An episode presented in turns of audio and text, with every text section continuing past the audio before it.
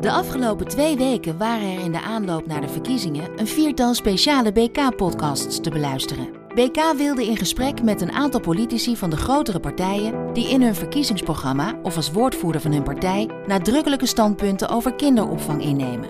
We spraken Tamara van Ark van de VVD, Wietske Posma van het CDA, Paul van Menen van D66 en Gijs van Dijk van de PvdA. Dit leverde interessante gesprekken op en inzichten die van belang zijn in hoe bij een kabinetsformatie de kaarten op tafel zullen liggen. Hoogste tijd om nu vlak voor de verkiezingen met BK-voorzitter Felix Rottenberg en BK-directeur Emmeline Bijlsma de balans op te maken. Woordvoerder Gaël Blok vraagt naar hun bevindingen.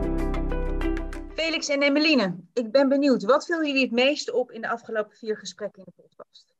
Ladies first, Emmeline. Nou, wat me het meeste opviel uh, in die gesprekken is dat ik dan toch vooruit kijk naar, uh, naar wat gaat er bij de formatie besloten worden over de kinderopvang. En dan ben ik als eerste verheugd. A, er gaat vast iets besloten worden over kinderopvang bij de formatie. Dus we mogen ons verheugen in een warme belangstelling en een hele positieve belangstelling. En als ik bedenk, wat gaat er in ieder geval besloten worden, dan is dat toch uh, het toegangsrecht. Ik ga ervan uit, op basis van alle gesprekken en verkiezingsprogramma's, dat er tijdens de formatie zal worden besloten dat alle kinderen twee dagen toegang krijgen tot het kinderdagverblijf. Of de gashouderopvang van 0 tot 4.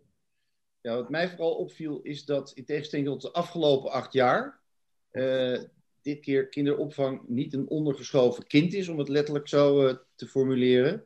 Er speelde natuurlijk een, een, gratis discussie doorheen, maar die werd terecht uh, overtroefd door het algemeen toegangsrecht.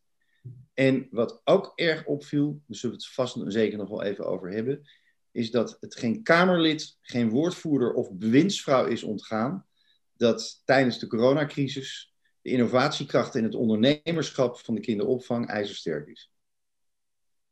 En wat gaat er volgens jullie bij de komende coalitiebesprekingen zeker besloten worden over de kinderopvang? Nou ja, dat is dat punt van Emmeline. Dat is de algemene. Ja, dat zei je net al. Ja, maar dat gaat niet automatisch, omdat daar de VVD daar nog echt heel ge gemengd over denkt. En dan druk ik me genuanceerd uit. Die uh, zeggen nog niet dat alle ouders uh, toegang krijgen. Dat is algemeen toegangsrecht. En ook het CDA denkt daar nog genuanceerd over. Die zijn wel, die beginnen te bewegen. En je moet natuurlijk in, in informatie elkaar tegemoet komen. En dat is precies de voorspelling die Emmeline doet. Waarbij je inderdaad, uh, dat vind ik interessant wat Felix uh, naar voren brengt. Er is natuurlijk nog steeds wel een verschil tussen de partijen. Dus we zien dat uh, het CDA zei dat heel mooi, vond ik. Zij gaf aan dat ze ziet dat de linkse partijen kinderopvang heel erg zien als een verheffingsinstrument. Hè? Dus dat, dat het, het instrument is eigenlijk om, om kinderen een gelijke start te geven. Terwijl CDA en VVD de kinderopvang nog steeds zien als primair een, uh, een middel om de combinatie tussen arbeid en zorg mogelijk te maken. Dus om werkende ouders eigenlijk te ontzorgen en te ontlasten. En daarbij zien dat het heel goed is voor de ontwikkeling van het kind. Maar dat niet als eerste doel zien. En hoe denken de verschillende politieke partijen over de financiering? Nou ja, wat opvalt is dat VVD en CDA zoekende zijn. En dat vind ik eigenlijk wel interessant. Dat partijen dat ook aangeven. Dat heeft te maken met de Pieter Omzichtnorm die heeft gezegd: Ja, we hebben zulke last gehad van het toeslagenstelsel dat niet doordacht was destijds. Uh, we moeten daar nu echt de tijd voor uittrekken. Alle experts uh, raadplegen, consulteren en met wetgeving komen die absoluut uitvoerbaar is. Uh, dus dat kost zeker anderhalf tot twee kabinetsperiodes. Dat vindt D66 ook. Die hebben het meest uitgesproken belastingherzieningsplan. En die zeggen ook: in de podcast, Paul van Menen van D66. Daar trekken we zeker zeven tot acht jaar voor uit. Bij de linkse partijen ligt dat anders. Uh, ja, die zijn gewoon voor gratis kinderopvang. En op het moment dat je voor die variant kiest, nou dat is geen variant, dat is gewoon tot een publieke voorziening maken, tot overheid, ja, dan, uh, dan bestaan er geen toeslagen meer. Nou, daarbij valt wel op natuurlijk, Felix, dat uh, D66 heeft echt goed uh, doordacht met een heel uh, belastingplan eigenlijk. Wat er dan aan de achterkant moet veranderen om te zorgen dat dit niet een enorme denivelleringsoperatie wordt. Hè? Dus als je kinderopvang gratis maakt, wordt het naar verhouding heel goedkoop voor de hoge inkomens. Terwijl de lage inkomens, daar is het al goedkoop voor. Dus die gaan daarbij er niet op vooruit. Nou, dat is wel grappig. Heb je daarover nagedacht? Ja, ja, nou, dat viel ook op in het gesprek met Gijs van Dijk was een heel, heel uh, openhartig gesprek. We verschillen natuurlijk behoorlijk met hem van mening. Maar hij gaf dat ook gewoon aan. Ja, precies. Um, wat maar ook nog, uh, kijk, wie we niet hebben geïnterviewd, maar wie hier wel een hele belangrijke rol speelt in die toeslagen, dat is eigenlijk uh, de ambtelijke kolom, zeg maar, die heel veel invloed uitoefent op de formatie. En daar wordt ook veel over geschreven al in de kranten. Um, als je alle ambtelijke stukken van het afgelopen jaar bekijkt, dan zit daar maar één beweging in. En die beweging is: toeslagen moeten weg. En uh, kinderopvang moet naar directe financiering toe. Met een hele hoge bijdrage van de overheid, inkomensonafhankelijk. Dat is wel ook een factor om rekening mee te houden uh, bij wat er aan de formatietafel gaat gebeuren. Ja, alleen ik denk niet dat aan de formatietafel al de directe financiering aan de orde komt. Want dat heeft echt te maken met varianten die moeten worden uitgewerkt. Er zal een opdracht komen aan een externe commissie die dat allemaal moet gaan onderzoeken en met een rapportage moet komen. Ehm, directe financiering is niet een onderhandeling die opgelost wordt in de formatie. En wat wel aan de orde kan komen, is overigens het punt waar jij het ook vaak over hebt, is dat om te beginnen het toeslagenstelsel vereenvoudigd kan worden en dat, er, dat dat niet te ingewikkeld is. Want voordat je het allemaal hebt opgelost, afschaffing toeslagen of andere toeslagen, kan je toch met een paar stappen die vereenvoudiging uh, doorvoeren, Emmeline? Ja, er zijn al heel veel stappen eigenlijk genomen en die zou je nog verder kunnen doorvoeren. Waarbij je er vooral voor zorgt dat de informatie waar ouders en de Belastingdienst en de kinderopvang over beschikken, dat die veel meer gelijk is, zeg maar. Dat iedereen van elkaar weet wat is er over mij bekend. En daar ook op kan handelen en elkaar alert kan maken Um, en dan denk ik dat je heel veel problemen al hebt voorkomen. Dat is ook gebleken de afgelopen anderhalf jaar eigenlijk. En als je dan kijkt naar de keuzevrijheid en ondernemerschap in de kinderopvang, hoe kijken de partijen daarnaar? Nou ja, wat ik leuk vond te zien is dat ook weer veel meer dan een aantal jaar geleden, dat ondernemerschap van uh, zowel not-for-profit als profit-organisaties gewoon echt wordt herkend. En dat we ons daarmee ook onderscheiden van het onderwijs. Uh, het onderwijs is natuurlijk al een vrij oud stelsel. Dat is zo in het begin van de vorige eeuw heeft dat vorm gekregen. En uh, het is veel lastiger om daar tempo te maken met het doorvoeren van veranderingen of het toepassen van innovatie. En nu zijn er nogal wat Kamerleden uh, en ook Tamara van Ark, oud bewindspersoon, oud staatssecretaris kinderopvang, nu minister voor Zorg.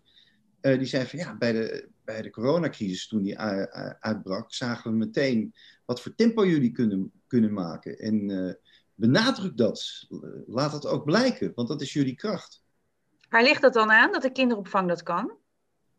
Nou ja, we zijn A, minder onderworpen aan regels en aan, uh, aan protocollen.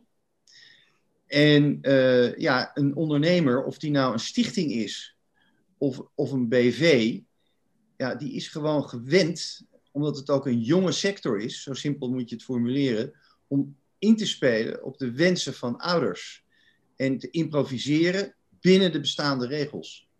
En ja, dat heeft. Dat, dat laatste is uh, belangrijk. Ik geloof niet dat wij met minder protocollen te maken hebben. Integendeel, denk ik eigenlijk. Meer nog wel dan het onderwijs. Um, maar de, de kinderopvang is van nature naar buiten gericht. Van nature gericht op hoe kunnen we ouders ontzorgen en kinderen ondersteunen in hun uh, ontwikkeling. En het onderwijs is van nature wat meer naar binnen gericht. Namelijk, dit is de opdracht die wij hebben. Het kind moet dit jaar deze stof leren. En uh, hoe gaan we dat voor zorgen? Dus het is een andere blik. Ja, nou ja, wij hebben natuurlijk die IKK gekregen. Uh, onder andere. En ook nog wel andere maatregelen die, die ondernemerschap niet zo makkelijk maakt. Zeker niet in directe bedrijfsvoering. Maar mij valt het op bij werkbezoeken dat er heel slim wordt nagedacht hoe je zonder overtreding van regels toch de randen kan opzoeken.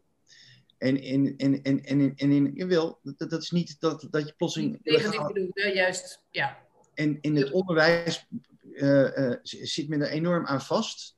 In het onderwijs is er ook nog een hele andere rol vaak van ouders. Dat is niet overal in het land, maar je hoort het wel vaak van mensen in het onderwijs, vooral jonge instromers, die zeggen: Jeetje, die ouders die, die hebben enorm hoge eisen, die willen dit en dat. En we moeten dat ook allemaal verantwoorden en vastleggen en dit en zus en zo. Nou ja, dat, dat is het verschil. uh, als ik kijk naar dat keuzevrijheid en ondernemerschap, wat wij zo belangrijk vinden, dan zien we dus dat de Partij van de Arbeid, nou, die wil daar eigenlijk een eind aan maken. Eind aan de marktwerking en uh, kinderopvang, eigenlijk net als de scholen, een publieke voorziening, not for profit. Dat is een vrij forse uitspraak. Dat is, een, ja, dat is ook een vrij forse uitspraak. Het, het PvdA heeft daar duidelijke gedachten over. Vond ook heel goed van Gijs van Dijk dat hij daarover met ons in gesprek ging. Want hij weet natuurlijk dat dat een enorme knuppel in het hoenderhok is. Ik denk wel dat er nog wat beter nagedacht moet worden over wat dan wel en hoe, gaan we daar dan naartoe. Ik zie dat het CDA, die waardeert die keuzevrijheid voor ouders zeer. We hebben dat hoog, hoog op een verlanglijstje zou maar nog staan. Maar zijn wel kritisch over private equity. Dat moeten we ook wel eventjes gezegd hebben. Um, ik denk dat wij daar zelf ook uh, met een aantal afspraken die we proberen te maken met grote private equity en alle andere organisaties overigens ook aan tegemoet proberen te komen. Maar het is wel een, uh, iets wat blijft uh, irriteren, zeg maar, in de politiek. En dan nog tot, tot, slot de samenwerking met het onderwijs, daar hebben we het net al eventjes over gehad. Zijn er nog andere dingen geweest die zijn opgevallen in de gesprekken? Nou, ik, ik, in de samenwerking met het onderwijs vond ik overigens dat het CDA uh, uh, heel fijn uh, pleit zeg maar, voor maatwerk. En dat zie je overigens bij bijna alle partijen. Felix, dat zul jij vast beamen. Er is niemand die zegt, we moeten overal per se naar IKC's toe. Eigenlijk erkent iedereen, een IKC kan op sommige plekken goed zijn, maar het hoeft niet per se eigenlijk erkent iedereen dat, het, dat de kinderopvang heel innovatief is, terwijl uh, het onderwijs, zoals Gijs van Dijk dat zei, regelmatig wat hooghartig uh, over kan komen. Uh, dus het is één van de mogelijkheden, maar het is zeker niet de enige mogelijkheid. Ja, act local, hè? dus acteer gewoon lokaal en regionaal en kijk daar waar je het beste kan anticiperen op de vragen uit de markt. Wat nog wel leuk is, is dat gastouderopvang niet ongenoemd is gebleven. kinderopvang is altijd de grootste paraplu voor alles. Maar gastouderopvang is echt een onderscheiden service, een onderscheiden aanbod. En met name voor ouders die in de onregelmatige uren gewoon moeten werken. Uh, viel natuurlijk op dat CDA als familiepartij dat als, als eerste noemde. En dat is voor onze leden, dat zijn er flink wat, werkzaam in de gastouderopvang, is dat belangrijk om te weten dat de politiek dat niet negeert. Ja. En waarom noemde Wietske Posma nou juist de gastouderopvang? Nou ja, die loopt daar natuurlijk tegenaan bij de werkbezoeken. Die kent die sector ook goed. Uh, en wat dat betreft uh, is de kennis van Kamerleden, is, waar het gaat om de praktijk, heel groot. Ze, zijn echt veel op bezoek geweest, weten er wat van. In de uitwerking, uh, zo bleek uit, uit, een artikel in Kinderopvang Totaal, worden wel vraagtekens gezet en ook, ook door ons dus ook als het gaat over die discussie met het stoppen met marktwerking, wat dat betekent, of gratis en de en ga zo, zo maar door. Maar ga, uiteindelijk, zo direct zijn de verkiezingen voorbij en spelen die verkiezingsprogramma's minder een rol. En gaat het gewoon om het fluïde worden van standpunten en het naar elkaar toegroeien om tot een regeerakkoord te komen. En wat ik me afvraag, hè, hoe werkt dat nou eigenlijk bij zo'n formatie? In, op wat voor manier zou BK betrokken kunnen worden? Nou, dat is niet zo simpel. Uh, kijk, eerst begint zo'n kabinetsformatie heel erg breed. Er wordt een zogenaamde verkenner aangesteld. Die gaat een stukje schrijven. Dan langzaam vallen er een aantal partijen af. Dan wordt er soms in groepjes onderhandeld. Op een gegeven moment wordt het een soort zwarte box. En dan is het kunst dat je gewoon niet te veel contacten onderhoudt met de experts en woordvoerders in de Kamer. Die kennen we allemaal goed. Uh, we zijn daarnaast lid van het VNO-NCW MKB. Dat is de grootste en machtigste en meest invloedrijke lobbyorganisatie. En die houdt ons zeer goed op de hoogte van vorderingen. En op die manier kan je net op een x-moment, even zeg ik altijd, een soort acupunctuur plegen. Klein speldenprikje.